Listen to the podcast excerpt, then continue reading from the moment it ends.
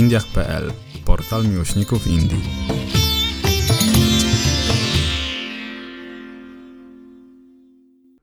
Zapiski na kolanie. Odcinek piąty. Więcej niż świątynie. Mój tato lubił żartować, że zawsze trzeba mieć czas na malutką drzemkę. Bardzo często miał rację i w tej sytuacji jak najbardziej też. Ta reguła skutecznie zadziałała i w moim przypadku. Chwila odpoczynku w zacisznym pokoju hotelowym i poczułam się, że wracam do żywych. Na progu mojego pokoju, ze szybtą znudzenia na twarzy, pojawił się misiek i powiedział, żebym szybciutko się zbierała, bo musimy ruszyć w miasto. Przecież jeszcze tyle atrakcji na nas czeka za ścianami naszego hotelu. A miasto Haridwar znów dawało nam wiele opcji do wyboru. Oczywiście mogliśmy dalej podążać szlakiem świątyń i mam pewność, że zbyt prędko nie zderzylibyśmy się z nudą. Poza samą mistyczną atmosferą, która panuje w każdej z nich, warto zwrócić uwagę na ich wyjątkowe cechy. A jest ich mnóstwo i można wyciągać je jak z worka z prezentami na Boże Narodzenie. Mamy ochotę na spotkania z historią i dotknięcie jej własną ręką? Proszę bardzo. Starożytnie miasto Haridwar znane jest przede wszystkim ze świątyń z czasów prehistorycznych. I chociaż wyłonienia zwycięzcy w tej kategorii nie będzie zadaniem prostym, to na uwagę zdecydowanie zasługuje świątynia Maja Devi. Jedna z czterech starożytnych świątyń, które pozostały nienaruszone po splądrowaniu Haridwaru przez Mongołów. Kolejną perełką wśród świątyń jest świątynia Vaishino Devi. Jest młodsza w porównaniu do innych, ale przywłaszczyła sobie trochę sławy. Znana z tego, że jest repliką starożytnej świątyni o tej samej nazwie, znajdującej się w Dżamu i Kaszmirze. A jeżeli mamy jakieś życzenia do spełnienia, to najlepiej się udać do świątyni Mansa Devi, gdzie wystarczy zawiązać kawałek nici na gałęzi drzewa, znajdujący się w kompleksie świątynnym z odpowiednią intencją i pozwolić opiekuńczej bogini działać. Gdy życzenie się spełni, obowiązkowo trzeba wrócić i swoją niteczkę rozwiązać, żeby bogini mogła wykreślić nas ze swojej listy zadań i zabrać się za kolejny. I tak dalej, i tak dalej. Oczywiście mogliśmy obrać ten świątynny trop, ale ja chciałam poczuć ten prawdziwy duch miasta, złapać klimat panujący dookoła i trochę się oswoić. W końcu było to dla mnie pierwsze miasto w Indiach.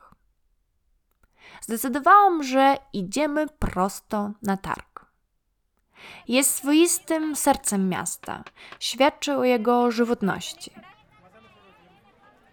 Rzędy straganów, biegnące we wszystkich kierunkach, są tętnicami tego serca. Warzywa, owoce, przyprawy i inne produkty spożywcze łatwo określą kierunek gastronomiczny. Zarysują smaki miasta. W krajach Azji i Ameryki Południowej właśnie na targu można zjeść najsmaczniejsze, świeżo upichcone i niedrogie jedzonko. Wystarczy, że zapytamy jednego ze sprzedawców, gdzie zamawia swój obiad. I możemy być pewni, że dostaniemy produkt o 100% autentyczności i gwarancji jakości. A może potrzebujemy kupić ubrania, a nie wyczuliśmy jeszcze lokalnej mody? Też warto skierować swe kroki właśnie na targ. Prosto z wybiegu trafiły tu ostatnie nowinki, które dodatkowo nie gryzą swoją ceną. Moti Bazar, główny targ w Haridwar, od razu zdradza, że to jest miasto pielgrzymów. Stragany z dewocjonaliami witają nas na każdym kroku. Czujnie sklepikarze krążą w pobliżu na wypadek, gdy pojawi się klient w potrzebie. Raz, dwa i roleta ze skrzypnięciem rusza w górę. Otwiera się paszcza, która kusi bogactwem upchniętym na kilku metrach kwadratowych. Obejrzałam wiele stoisk i kupiłam małą figurkę Ganeszy. Nie mając dalszych planów zakupowych, wyruszyłam przed siebie bez konkretnego celu. Hałaśliwy targ stopniowo przechodził wąskimi uliczkami w dalszą część miasta, zarysowaną niewysoką brązową zabudową. Niemalże na każdym domie można było poczuć dotyk historii, której ktoś próbował nieumiejętnie ukryć, wypełniając głębokie pęknięcia szorstkim betonem. Zabudowa miasta również oddawała atmosferę ogólnego stłuczenia i ścisku na ulicach. Domki wtulały się w siebie, piętrzyły się i pozwalały na maksymalne wykorzystanie przestrzeni. Dach jednego z nich służył jako niewielki teras dla innej rodziny. Domy po chwili rozstąpiły się i pojawił się brzeg Gangesu. W Haridwarze ta rzeka wyrywa się z objęć Himalajów i po raz pierwszy dotyka równin indyjskich. Zbawia z cierpienia i zmywa grzechy. Jej woda jest czysta i niesie w sobie jeszcze niepokorny charakter gór. Każdy, kto chce przystąpić do rytuału czyszczenia, musi najpierw udać się na odpowiedni gad, czyli schody prowadzące w dół do rzeki, a później, asekurując się łańcuchem, wkroczyć w te święte wody. Największe i najważniejsze katy w Haridwarze to Har. Oczywiście temu miejscu towarzyszą liczne legendy opisując moment i powód powstania tego miejsca. Jedna z nich mówi, że ten święty gad został zbudowany przez króla z bardzo skomplikowanym imieniem Vikramaditya ku pamięci jego brata. Ten król nie miał łatwego życia. Jego przodkowie nie potrafili znaleźć wspólnego języka z bogami. Więc w ramach pokuty król spędził tysiąc lat w odosobnieniu w Himalajach. W ten sposób zmył ich grzechy, uwolnił od klątwy i zyskał uznania w oczach bogini Gangi, która w końcu okazała królowi swą łaskę i stąpiła na ziemię, przebierając postać rzeki. Inna legenda nawiązuje do nazwy Harki Pauri, stopa Boga, a mianowicie Boga Wisznu. Wskazując, że w tym miejscu ziemię swoją stopą dotknął Pan Wisznu. Jedna rzecz jest pewna. Do tego miejsca codziennie przybywa tysiące pielgrzymów, żeby obmyć się w świętej rzece. Mosty i klatki ciągnące się nad Gangesem przyozdobione są kolorowymi ubraniami suszącymi się po rytualnych kąpielach. Zdecydowanie przyciągnęło to mój wzrok.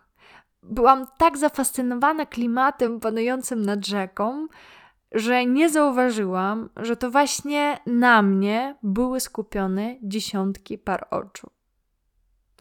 Egzotyka ma to w sobie, że przyciąga naszą uwagę. Najpierw nieśmiało patrzymy na nieznany, staramy się zbadać stopień zagrożenia i współmierzyć go ze stopniem atrakcyjności i zaciekawienia. A później mamy niezmierną potrzebę, żeby zapoznać się z tym czymś z innego świata. Tą samą ścieżkę przeszły myśli w głowie chłopaka, który stał obok mnie i już bez zawahania w głosie wystrzelił. One picture? Mem? Zupełnie zaskoczona pytaniem, nie za bardzo zrozumiałam, czego dokładnie ode mnie oczekuje ten młodzieniec. Only one picture, ok? Wyciągnął z kieszeni telefon i stał obok mnie, pozując do zdjęcia. W tym momencie zaczęłam zastanawiać się, o co tu chodzi. Gwiazdą kina nie jestem. Też nic specjalnego dla tego kraju nie zrobiłam, a jednak chłopak chce zdjęcie właśnie ze mną. Pochłybiona taką uwagą, powiedziałam tak i uśmiechnęłam się do aparatu. Nie byłam jednak świadoma tego, że ta czynność nada odwagi reszcie obserwującym i w sekundzie za mną rozciągnęła się długa kolejka. Jak do świętej statui podchodził do mnie kolejny wylbiciel, pstrykał zdjęcie i z radością oglądając go na swoim kolorowym ekranie, ustępował miejsce już czekającej w kolejce osobie. Nie myślałam, że bycie gwiazdą może być tak męczącym zajęciem. Jak zawsze uratował mnie Michał. Jak mój bodyguard osłonił mnie od tłumu i ręką pokazał, że audiencja na dziś jest skończona. Czekała nas kulminacja tego dnia. Pomarańczowy krąg słońca powoli chował się za horyzont, szykując scenę dla niezwykłego wydarzenia. Dźwięki dzwonów, zapach płonącej kamfory w powietrzu zwiastowały rozpoczęcie wieczornej modlitwy Arti, ofiarowanej bogini Gangi. Modlitwy odbywają się dwa razy w ciągu dnia. I chociaż arti z wczesnym rankiem są również piękne, to wieczorne swoją atmosferą zabierają nas do innego świata. Gaty, podobnie jak amfiteatr, piętrzyły się wzdłuż rzeki, oferując miejsce dla tłumu pielgrzymów, naciągających z różnych stron. Nieduże kolorowe pomosty odgrywają rolę sceny, na której pojawiają się kapłani, ubrani w tradycyjne doti i kurty. Gra muzyka. Kilku kapłanów rozpala wielkie kadzidła i dipamy. Wielopoziomowe ceremonialne lampy z brązu, którymi poruszają synchronicznie w rytm śpiewających mantr. Rozpoczynają swój taniec ogniem. Pozostali grają na muszlach. Są skupieni i w pełni zaangażowani w swój rytuał. Robią to codziennie w całej historii nie było dnia, aby Ganga Arti się nie odbyło. Wiedzami są ludzie z różnych krajów, z różnych kręgów kulturowych i wyznaniowych. Ceremonia jest otwarta dla wszystkich. Są tacy, których atmosfera wydarzenia wprowadza w duchowy trans. Inni zastanawiając się, ile miejsca zostało jeszcze na karcie pamięci w aparacie. Ceremonia kończy się wtedy, kiedy kapłani schodzą ze swoich podestów do rzeki, aby się jej pokłonić. Zaraz za nimi podążają widzowie i pielgrzymi, puszczając na wodę maleńkie lampiony. To hipnotyzujące, gdy patrzy się, jak cały gad oświetlony jest migoczącymi światłami trójpoziomowych lamp ognia w rękach kapłanów a tafla wody błyszcze tysiącem dias, małych lampek. Ganges otacza eteryczna aura piękna. Ja też zagłębiłam się w tą atmosferę i zakupiwszy ofiarny zestaw, skierowałam się schodami w dół rzeki. W tym momencie podszedł do mnie człowiek ubrany tylko w zwiewną szafranową tkaninę i cicho przemówił. Czy ty wiesz, że ta rzeka jest święta? Zapewne wiesz. Ale czy wiesz, co to naprawdę znaczy? Święta rzeka? Rzeka święta?